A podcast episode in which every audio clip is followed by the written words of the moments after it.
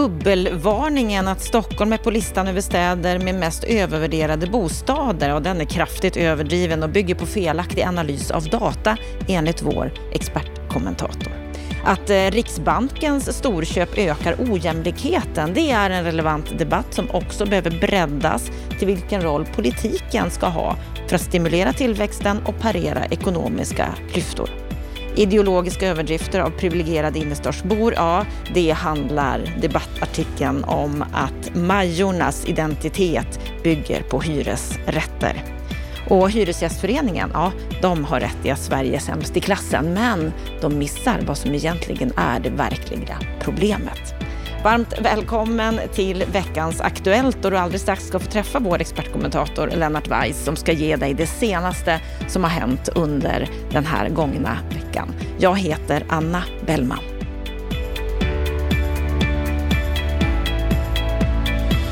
Mm. Under veckan som har gått har det inte hänt jättemycket på bostadsmarknaden, men det finns några saker som är värda att kommentera. Lennart Weiss som just nu har byggarbeten på sitt tak som vi kommer att höra här under inspelningen. Vad säger du om den här första nyheten som jag skulle vilja ta upp, nämligen att UBS senaste Global Real Estate Bubble Index att Stockholm nu är på listan över städer i världen som är mest övervärderade. Ja, hade inte den här nyheten kommit nu så hade jag trott att det var rötmånad och augusti.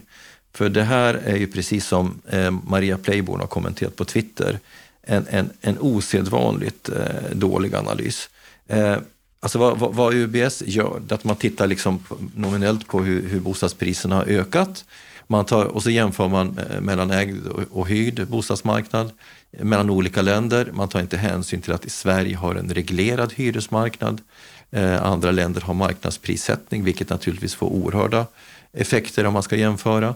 Och sen så tar man ju inte heller hänsyn till att vi i Sverige hade ett väldigt stort boprisfall eh, hösten 2017, första kvartalet 2018. Så det, allting beror ju på när man börjar mäta. Men, men, om man tar hänsyn till att vi hade ett boprisfall på ja, eh, 10-11 procent eh, ungefär eh, i storstäderna eh, och tar hänsyn till att eh, bostadspriserna från högpunkten tredje kvartalet 2017 egentligen stod stilla till första kvartalet 2021 så ska man väl inte bli jätteförvånad över att en marknad rätt vad det är rekylerar, alltså att den återhämtar sig. Eh, och det är det som har skett. Vi har fått en väldigt kraftig rekyl. Först har liksom marknaden återhämtat det stora boprisfallet från 17-18 eh, och sen har, har eh, bostadspriserna då eldats på av Riksbankens väldigt expansiva penningpolitik som ju då har till medvetet syfte att hålla igång hjulen. Och, och, och, en effekt utav det är att börsen har gått väldigt, väldigt bra.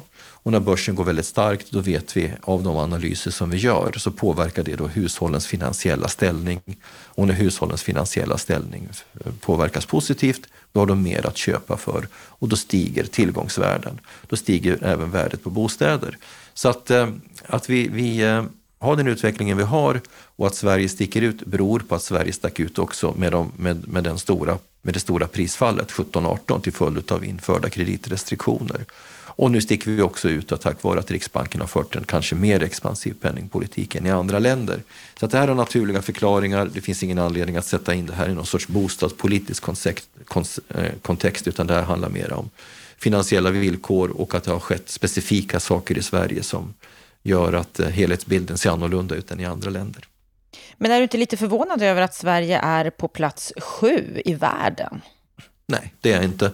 Därför att eh, vi, vi stack ut eh, globalt genom att, vi för, att bostadspriserna föll väldigt kraftigt 17 och 18. Och sen så, om man tar ett längre perspektiv på det här, ett 10-15 års perspektiv, så ska man ju ha klart för sig att Sverige har ju haft en fantastisk ekonomisk utveckling. Eh, alltså hushållens disponibla inkomster har ökat, räntorna har fallit, börsen har gått bra. Alltså börsen eh, i kombination med de fallande räntorna gör ju att eh, hushållens tillgångar har ökat. Och när hushållens tillgångar ökat då har de ju mer kapital och då omsätts ju det eh, i form av eh, ska säga, köpvaluta när man ska gå ut på bostadsmarknaden och shoppa. Så att eh, det här är en effekt utav delvis omvärldsvillkor men delvis en, en effekt av att Sverige har haft en fantastisk ekonomisk utveckling. Så det finns ju ingen anledning att beklaga det utan snarare skulle jag säga att bostadspriserna i Sverige var undervärderade tidigare. Och, eh, eh, sen kan priser gå upp och ner, men det beror liksom på i grunden fundamentala faktorer och vi mäter ju själva i våra analyser utvecklingen av hushållens disponibla inkomster, deras finansiella tillgångar, eh, byggprisernas utveckling och eh, sysselsättningen. Det är liksom fyra variabler som ganska väl ringar in hur priser utvecklas och har man de fyra variablerna då, och, och, och ser vad som har skett, då kan man inte bli överraskad över att priserna har ökat mycket i Sverige. Vi ska gå vidare till en debattartikel av Katrin Stjernfeldt där hon skriver att ett levande stadsliv ska inte tas för givet. Det är i Sydsvenskan som hon skriver det. Och hon är ju kommunstyrelsens ordförande i Malmö, Katrin Stjernfeldt Jamme, och hon börjar sin debattartikel så här. Utan en medveten politik riskerar fastigheter att bara ses som investeringsobjekt utan högre syften än att ge maximal ekonomisk utdelning till sina ägare. Vi socialdemokrater kämpar för motsatsen. Det är värt att komma ihåg inför valet i september. Ja, vad säger du om den här debattartikeln? Ja, jag, jag, tycker att det är ett angeläget ämne som hon ju då paketerar i en politisk kontext helt medvetet därför att man vill sätta in det i en valdebatt. Alltså om jag, om jag, eh, om jag liksom eh, eh, hyvlar undan den politiska advokatyren här så tycker jag att hon har ett intressant ämne. Det vill säga hur får man till ett levande stadsliv? Och där eh, adresserar hon själv handeln. Och handeln är ju väldigt viktig. Och man kan ju då peka på två olika fenomen som har ju liksom styrt i, i olika riktning här. Om du tar till exempel, går några år tillbaka så sålde ju Stockholm ett antal köpcentra till, till Boltby, ett internationellt finanskapitalägt fastighetsbolag. Och det fick ju våldliga konsekvenser för de chockhöjde hyrorna och så tömdes ju många köpcentra utav eh, butiker med en svagare eh, lönsamhet och så fick man en utarmning utav cityhandeln.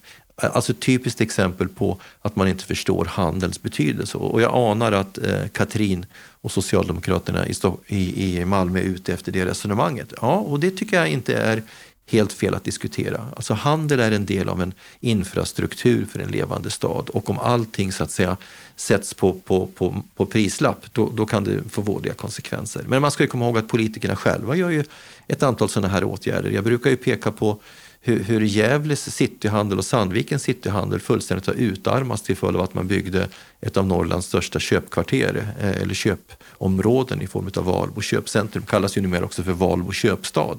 Och det har ju totalt utarmat eh, handeln så där förstod ju inte kommunalpolitikerna att handeln är en del utav eh, det som så att säga gör en, skapar en levande innerstad. Gävle innerstad idag består av kaféer och en och annan eh, klädbutik och livsmedelsbutik för lokalhandel men är ju totalt utarmad.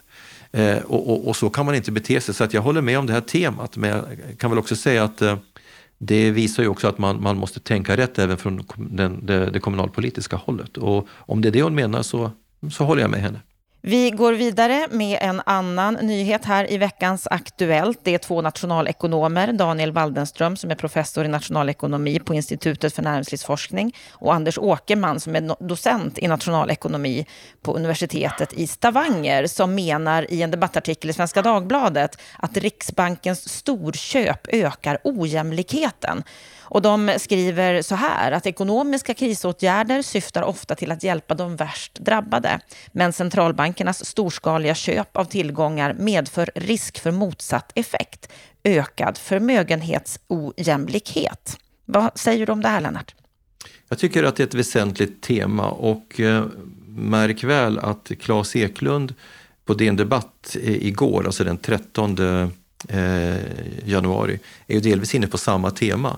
Jag tycker man kan koppla ihop de här två artiklarna. Eh, de, Waldenström och Åkerman de, de adresserar isolerat eh, finans, eh, förlåt, penningpolitiken som man då menar riskerar leda, bygga upp bubblor. Man köper alltså företags, köper upp företagsobligationer, bostadsobligationer, centralbankerna äger allt mer utav statsskulden, allt för att pressa ner räntorna. Och det är klart att när det sker, då, då ökar ju så kallade tillgångspriser, alltså värden på tillgångar, aktier, fastigheter framför allt.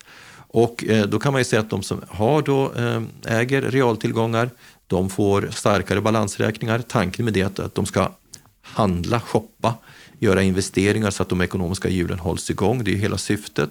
Men baksidan är att det byggs också upp stora förmögenhetsvärden. Så det uppstår helt enkelt ökade skillnader mellan hushåll som äger realtillgångar och sådana som inte gör det. Och det är en väsentlig diskussion. Det intressanta med Claes Eklunds artikel det är att han också pekar på att eh, finanspolitiken, det vill säga statens utgiftsprogram, har varit för defensiva under den här perioden och menar på att kombinationen av de här två sakerna, att Riksbanken är för expansiv och politiken är för defensiv, eh, det, det, har fått till följd att de här politiska effekterna som, de, som, som Waldenström och Åkerman pekar på förstärks. Och jag tycker det är en väsentlig debatt. Sen så styrs den här typen av iakttagelser ofta mot ägarmarknaden som något sorts uttryck för att bostadsägande skulle vara osunt för samhällsekonomin. Och då vill jag i varje fall kommentera det, att det tycker jag är en annan frågeställning. Därför att den sortens konsekvenser kan pareras med politiska åtgärder. Man kan dels hjälpa fler hushåll in på ägarmarknaden så de får del av den här värdetillväxten och man kan också beskatta en del av värdetillväxten i form av fastighetsskatt och annan kapitalvinstbeskattning så att man jämnar ut villkoren, i varje fall om man transfererar över det till hushåll som har en svagare ekonomi. Så jag tycker det är en väsentlig debatt, men det gäller också att man för tanken hela vägen ut så att den också leder till hur ser en politik ut för god och stabil ekonomisk utveckling som samtidigt inte skapar risker för bubblor och kriser och, och hur jämnar man ut mellan olika typer av eh, hushåll. Så att det är en väsentlig debatt, men, men så långt brukar inte ekonomerna ta det, debatten, men de pekar i varje fall på, på ett relevant problem och det tycker jag är bra. Vi ska gå vidare till Göteborg och att hela Majornas identitet bygger på hyresrätter. Ja, det här menar frilansjournalisten Christer Wigerfeldt. Och han menar bland annat att atmosfären i Majorna är otvungen och man har lätt för att känna sig hemma. Och en förklaring till det menar han, det är att hyresrätten dominerar över bostadsrätten som boendeform. Ja, vad säger du om hans resonemang här? Ja, alltså, eh, det, det finns två ytterligheter i den här debatten som, som, ju, som ju har väldigt stora likheter rent retoriskt och som i båda fallen hemfaller till någon typ av eh, ideologiska övertoner. Och den ena eh, varianten det är ju den här som liksom menar att om, om alla bodde i hyresrätt då skulle vi hamna i någon form av lyckorike vi vore alla jämlikar och vi skulle liksom eh, dela varandras kulturella och sociala villkor. Och så finns det den motsatta som säger att om alla människor bara ägde så skulle också vi hamna i ett lyckorike. Alltså, så fungerar det ju inte. Eh, eh, utan man kan ju ställa sig frågan, hur hade människorna då i, i, i Bergsjön resonerat på precis samma frågeställning. Tycker de att de lever i ett lyckorike för att de bor i ett samhälle där alla människor bor i hyresrätt? I Bergsjön är det alldeles uppenbart att, att, eh, att den ensidiga boendestrukturen är upphov till problem som i Majorna eh, skapar en fördel därför att där kan man bo med reglerade hyror och med reglerade hyror har man rejäla inkomster som gör att man kan gå ut och Eh, äta mat på Majornas alla läckra, trevliga och mysiga restauranger. Så att allting beror ju på med vilket perspektiv man ser det och i vilket större sammanhang som de här frågorna ska liksom placeras. Så att jag tycker att det här var på gränsen till trams. Men det var intressant trams, så att eh, det, det, det, det förtjänade sin plats under veckans Aktuellt ändå. ja, så länge det är intressant så får allting plats. Vi ska avsluta med en debattartikel som också har med hyresrätter att göra, i alla fall med hyresrätt, Hyresgästföreningen, som menar att bostadspolitiken, den måste få kosta. Det här är, är en debattartikel i Altinget. Ja, Hyresgästföreningen anser att bostadspolitiken, den måste få kosta. Vad säger du om den här? Ja, man kan säga att de landar i samma slutsatser som Veidekke gjorde 2015 när vi publicerade en rapport som heter Sverige sämst i klassen, där vi jämförde eh, 13 länders eh, åtaganden för, för bostadssociala frågor och konstaterade att Sverige hade eh, de lägsta ambitionerna mellan alla jämförda länder. Och nu, nu är ju då jämförelsematerialet inte lika brett här, man jämför med eh, Norge och eh, Finland men kommer till samma slutsats. Och där vill också håller jag med om. Sverige är sämst i termer av bostadssociala ambitioner. Eh, men, eh, så jag håller med på ett, ett eh, övergripande plan om att eh, bostadspolitiken måste få kosta. Men jag tycker också att man måste resa en fråga som inte riktigt kommer fram i artikeln. Vad i bostadspolitiken är det som ska få kosta? Och, och, och hur läser man av effekten av det som ska få kosta? Alltså vi har ju bedrivit en form av byggpolitik nu under ett antal år med investeringsstöd som har syftat till att hålla byggvolymerna upp, uppe. Och jag har ju stöttat det därför att eh, det har funnits eftersatta behov och eh, på marginalen så har det haft en viss betydelse, även om jag tror att många av de här bostäderna hade byggts ändå. Men den centrala frågan det är ju vem har fått del av de här subventionerna och på vilket sätt har man fördelat det här subventionskapitalet på ett relevant sätt utifrån hur, hur de bostadssociala problemen ser ut i samhället. Och, och på den punkten så, så tycker jag nog att investeringsstöden inte har lyckats i den utsträckning som Hyresgästföreningen menar. Så att jag menar ju att bostadspolitiken måste få kosta, men vi behöver mer av bostadssocial politik och mindre utav byggpolitik. Mm. Och det vi kan säga det är att en fördjupning av just det här ämnet det kommer du att få på måndag i vårt program då. För då ska du få träffa Ragnar Bengtsson som är bostadsmarknadsanalytiker på Hyresgästföreningen. Och han säger bland annat det här. Vi har ingen egentlig politik för att få fram tillräckligt mycket bostäder som vi behöver. Vi har lämnat det här åt kommunerna och marknaden, alltså från statens sida. Eh, och det är aktörer som inte kan och inte heller kommer vilja lösa bostadsproblemet egentligen. För de har inte incitamenten för att göra det. Ja, missa inte vårt program på måndag då du får träffa Ragnar Bengtsson på Hyresgästföreningen som kommer att fördjupa deras slutsatser, vad de har kommit fram till när de har jämfört Sverige med Finland och Norge. Med detta så önskar vi dig en trevlig helg. Är det så att du vill fördjupa dig inom bostads och fastighetspolitiken, ja då går du såklart in på bostadspolitik.se. Ha det nu så riktigt bra.